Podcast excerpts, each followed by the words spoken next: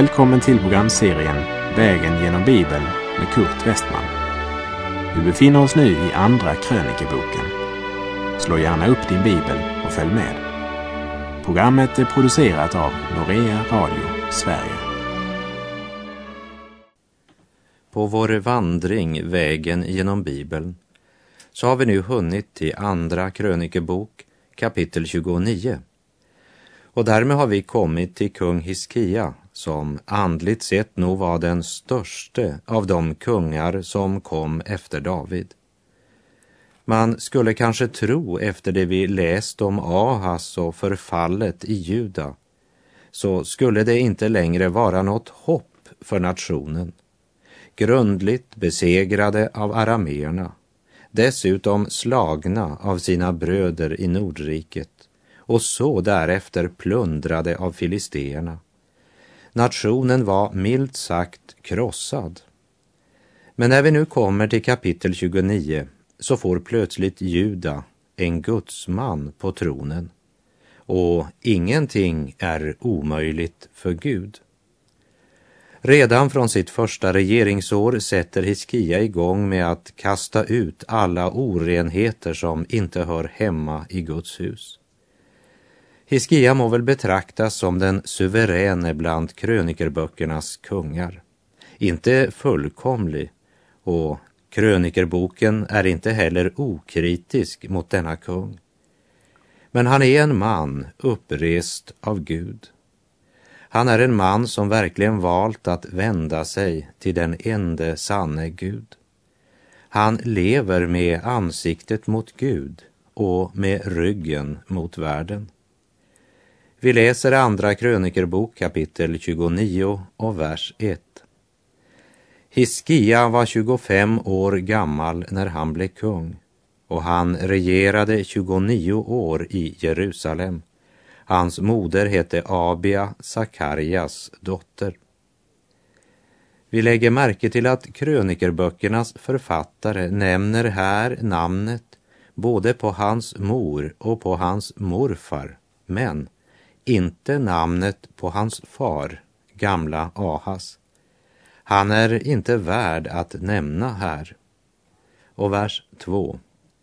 Han gjorde vad rätt var i Herrens ögon, alldeles så som hans fader David hade gjort. Och jag tror att innan vi går vidare så ska vi ta oss tid att repetera några verser ifrån Andra Konungabok kapitel 18, nämligen verserna 4 till 7 där och se vad som där sägs om Hiskia. Han avskaffade offerhöjderna, slog sönder bildstoderna och högg ned aseran. Han krossade också den kopparorm som Mose hade gjort. Ty ända till denna tid hade Israels barn tänt offereld åt denne man kallade honom Nehustan. På Herren, Israels Gud, förtröstade han så att ingen var honom lik bland Judas kungar efter honom, inte heller bland dem som varit före honom. Han höll sig till Herren och vek inte av från honom, utan höll hans bud, dem som Herren hade gett Mose.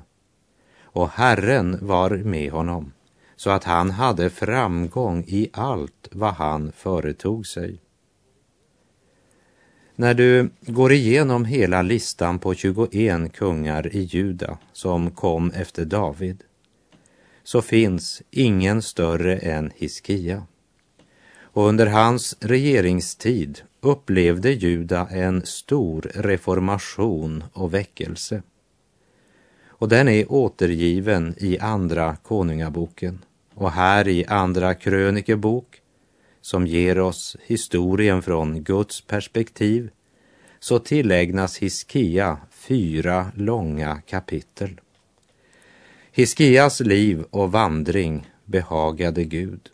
Även profeten Jesaja har i mitten av sin bok flera kapitel som inte är profetiska utan historiska. Och som du kanske anar så handlar de om just Hiskia. Det är också viktigt att lägga märke till att krönikeboken beskriver det positiva Hiskia gjorde för att sätta Guds hus i sitt rätta skick och för att återupprätta tillbedjan. I Konungaboken berättas om det negativa som han måste göra. Han slog sönder bildstoderna och högg ned aseran.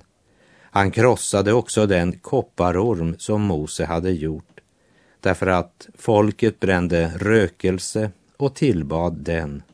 Men Hiskia tog bort denna snubblesten som ju kopparormen hade blivit. För den var ju inget annat än ett stycke koppar. En gång hade Herrens folk sett på kopparormen i tro, i förtröstan på Guds löfte till dem. Och då hade kopparormen givit dem kroppsligt helande och räddat dem som blivit bitna av giftormar. Men efterhand trodde man mera på undret än på honom som hade gjort undret. Och så höll man fast vid ritualet, kopparormen. Den blev centrum för tillbedjan, den blev en avgud, en snubblesten för folket. På samma sätt finns det idag människor som tillber korset de tror helt enkelt att det ger dem en eller annan merit att de har ett kors. Men hör min kära vän, korset kan inte hjälpa dig. Det är han som hängde på korset och som nu är uppstånden som kan hjälpa och frälsa dig. Du kan göra en avgud av nästan vad som helst. Din bil kan bli viktig och betydelsefull för dig. Din position och titel kan bli viktig för dig. Dina kläder kan bli mycket viktiga. TVn kan ta flera timmar av din tid vart dygn och till och med ett kors kan bli det du vänder din blick till.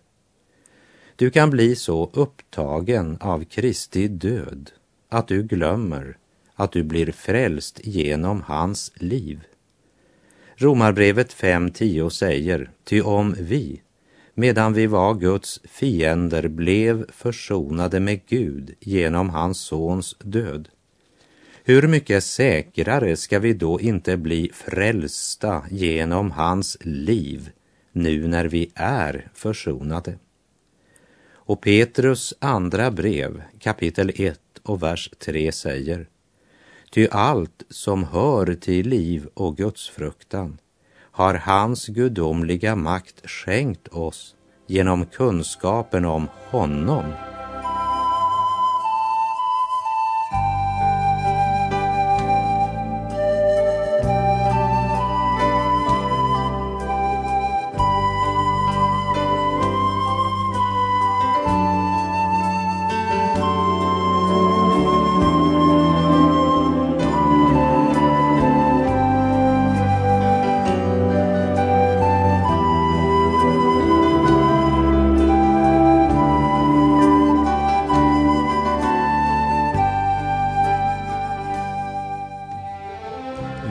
läser i Andra krönikeboken 29, vers 3.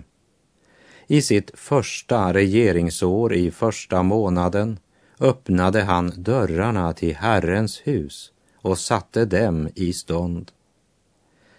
Hiskia far Ahas, som var kung före honom, han tillverkade inte bara avgudsbilder åt balerna, men han spikade också igen dörrarna till Herrens hus. Men nu blev dörrarna till Herrens hus åter öppnade och satta i stånd av Hiskia. Därmed var vägen till Herrens hus åter öppen för första gången på mycket lång tid. Nu bereddes vägen för att folket åter kunde börja fira gudstjänst i Herrens hus. Och vi läser vers 4 och 5 och han lät hämta prästerna och leviterna och samlade dem på den öppna platsen mot öster. Och han sade till dem, hör på mig, ni leviter. Helga nu er själva och helga Herren, era fäders Guds hus och avlägsna orenheten ur helgedomen. Helga nu er själva är kungens klara order. Det var inte bara tempeldörrarna som skulle fixas och ritual som skulle återupptas. Men det var nödvändigt att vända om till ett liv i helgelse, till ärlighet, hederlighet och sann tillbedjan. Det var absolut nödvändigt att på nytt avskilja sig för Gud. Och behovet är detsamma idag. Och den som säger något annat, han ljuger, det säger jag rakt ut. Vi är så översvämmade av aktiviteter, arrangemang och homogeniserad korvgrytekristendom, där gott och ont blir blandat samman och serveras på samma fat. Och nu talar Hiskia om för prästerna och leviterna varför det var nödvändigt med en så genomgripande omvändelse på alla plan. Vers 6 och 7. Ty våra fäder var otrogna och gjorde vad ont var i Herrens, vår Guds ögon och övergav honom. De vände sitt ansikte bort från Herrens boning och vände honom ryggen. De stängde också igen dörrarna till förhuset, släckte lamporna, tände ingen rökelse och offrade inga brännoffer i helgedomen åt Israels Gud. Kung Hiskia har mod att placera skulden där den hör hemma. Hiskias far och hans generation hade själva fört ödeläggelsen både över sig själva och över Juda genom sina synder och det säger han klart. Vi läser vers 8 och 9. Därför har Herrens förtörnelse drabbat Juda och Jerusalem och han har gjort dem till ett varnande exempel, till ett föremål för häpnad och förlöjligande som ni ser med egna ögon. Ja, därför har också våra fäder fallit för svärd och våra söner och döttrar och hustrur har därför kommit i fångenskap. Ja, de hade inte bara sett det med egna ögon. De hade bokstavligen känt olyckan och nöden på kroppen när deras vänner föll för svärd hustrur och barn blev bortförda. Men nu lägger den nya regenten fram sin vision. Han talar till folket om vad som ligger honom på hjärtat, vers 10. Men nu har jag för avsikt att sluta ett förbund med Herren, Israels Gud, för att hans vredes glöd må vända sig från oss. Han talar klart och rakt på sak. Han döljer inte sina avsikter. Han har för avsikt att sluta ett förbund med Herren. Och därefter så talar han om varför.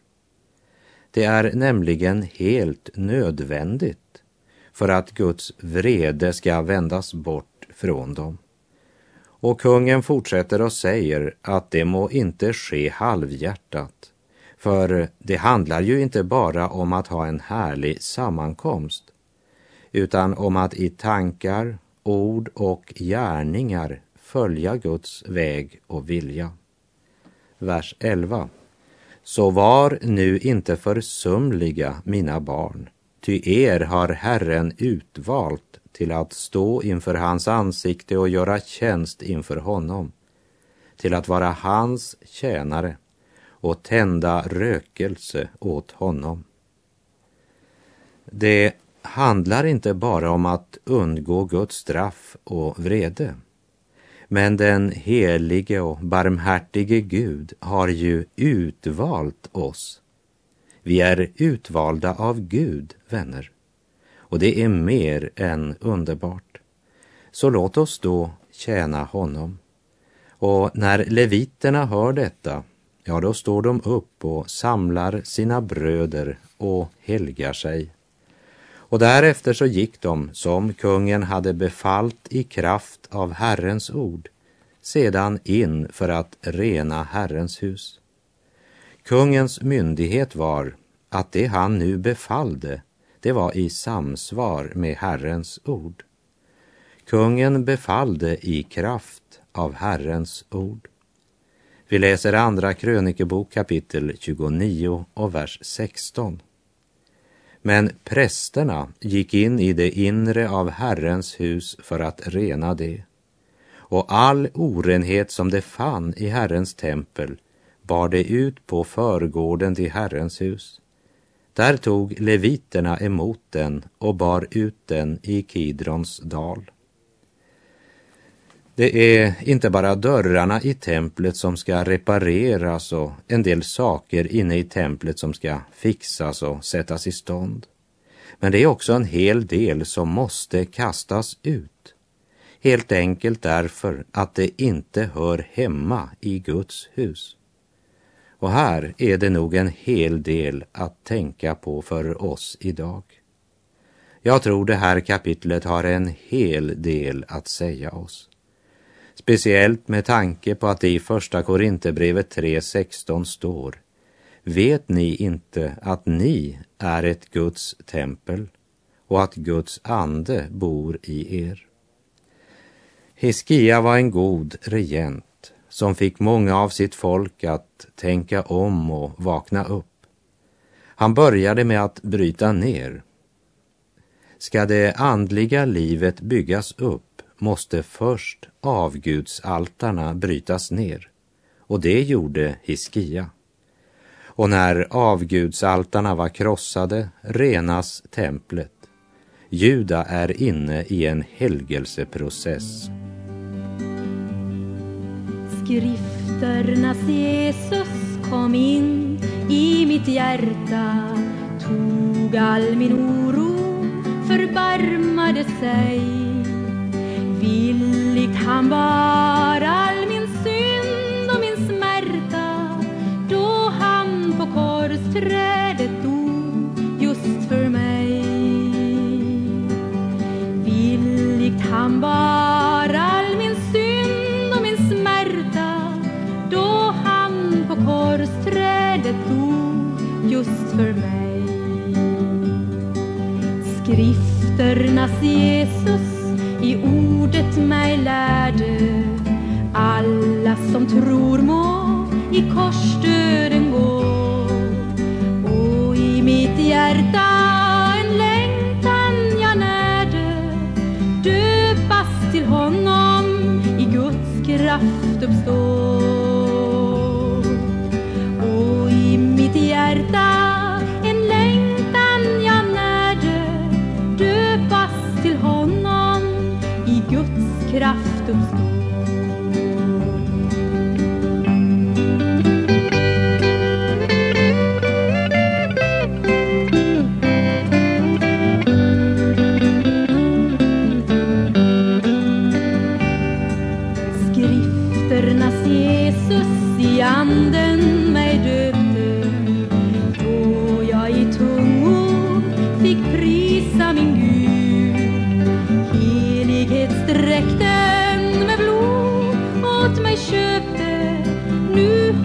jag blivit hans älskade brud.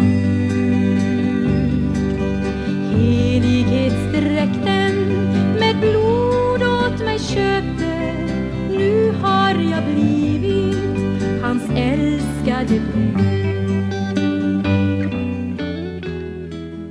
När prästerna och leviterna hade renat templet så går de in till kung Hiskia och berättar att de har renat hela Herrens hus och brännofferaltaret med alla dess tillbehör och skådebrödsbordet med alla dess tillbehör. Och så lägger vi märke till det som sägs i vers 19. Och alla de kärl som kung Ahas under sin regering i sin otrohet förkastade dem har vi nu återställt och helgat och det står nu framför Herrens altare. Ahas hade alltså inte bara fört in främmande ting i Guds hus och fyllt templet med sådant som var en vederstygglighet för Herren. Men han hade också förkastat många kärl som tidigare använts i gudstjänsten. Men prästerna och leviterna har nu återställt kärlen och även helgat, det vill säga invigt dem för Herren på nytt. Om du har några små avgudar runt omkring i din kyrka eller i ditt liv så vill jag föreslå att du gör dig av med dem. Kanske är det några metoder eller yttre ting eller några tankar som borde förändras i ditt liv. Hiskia slog sönder kopparormen som haft en så central plats i Juda så länge. Även om det kan verka dramatiskt så måste vi alltid vara på vakt så att vi inte är barmhärtiga mot sådant som Gud har fällt domen över. För det är inte kärlek utan brist på Gudsfruktan. Hiskia avskaffade offerhöjderna, krossade kopparormen. Det var dramatiskt men absolut nödvändigt. Kung Hiskia tog ett uppgör med synden. Och därmed är både kungen och folket redo för gudstjänst. Och vi läser andra krönikerbok kapitel 29, vers 20. Då lät kung Hiskia tidigt på morgonen samla de förnämsta männen i staden och gick upp i Herrens hus. Hiskia vet att gemenskapen med Gud är inte något man pekar på. Det är något man lever i. Ska man inbjuda till gemenskapen med Gud kan man inte peka utan bara ropa kom. Och då måste man själv leva i Guds närhet så att det blir dit människorna kommer.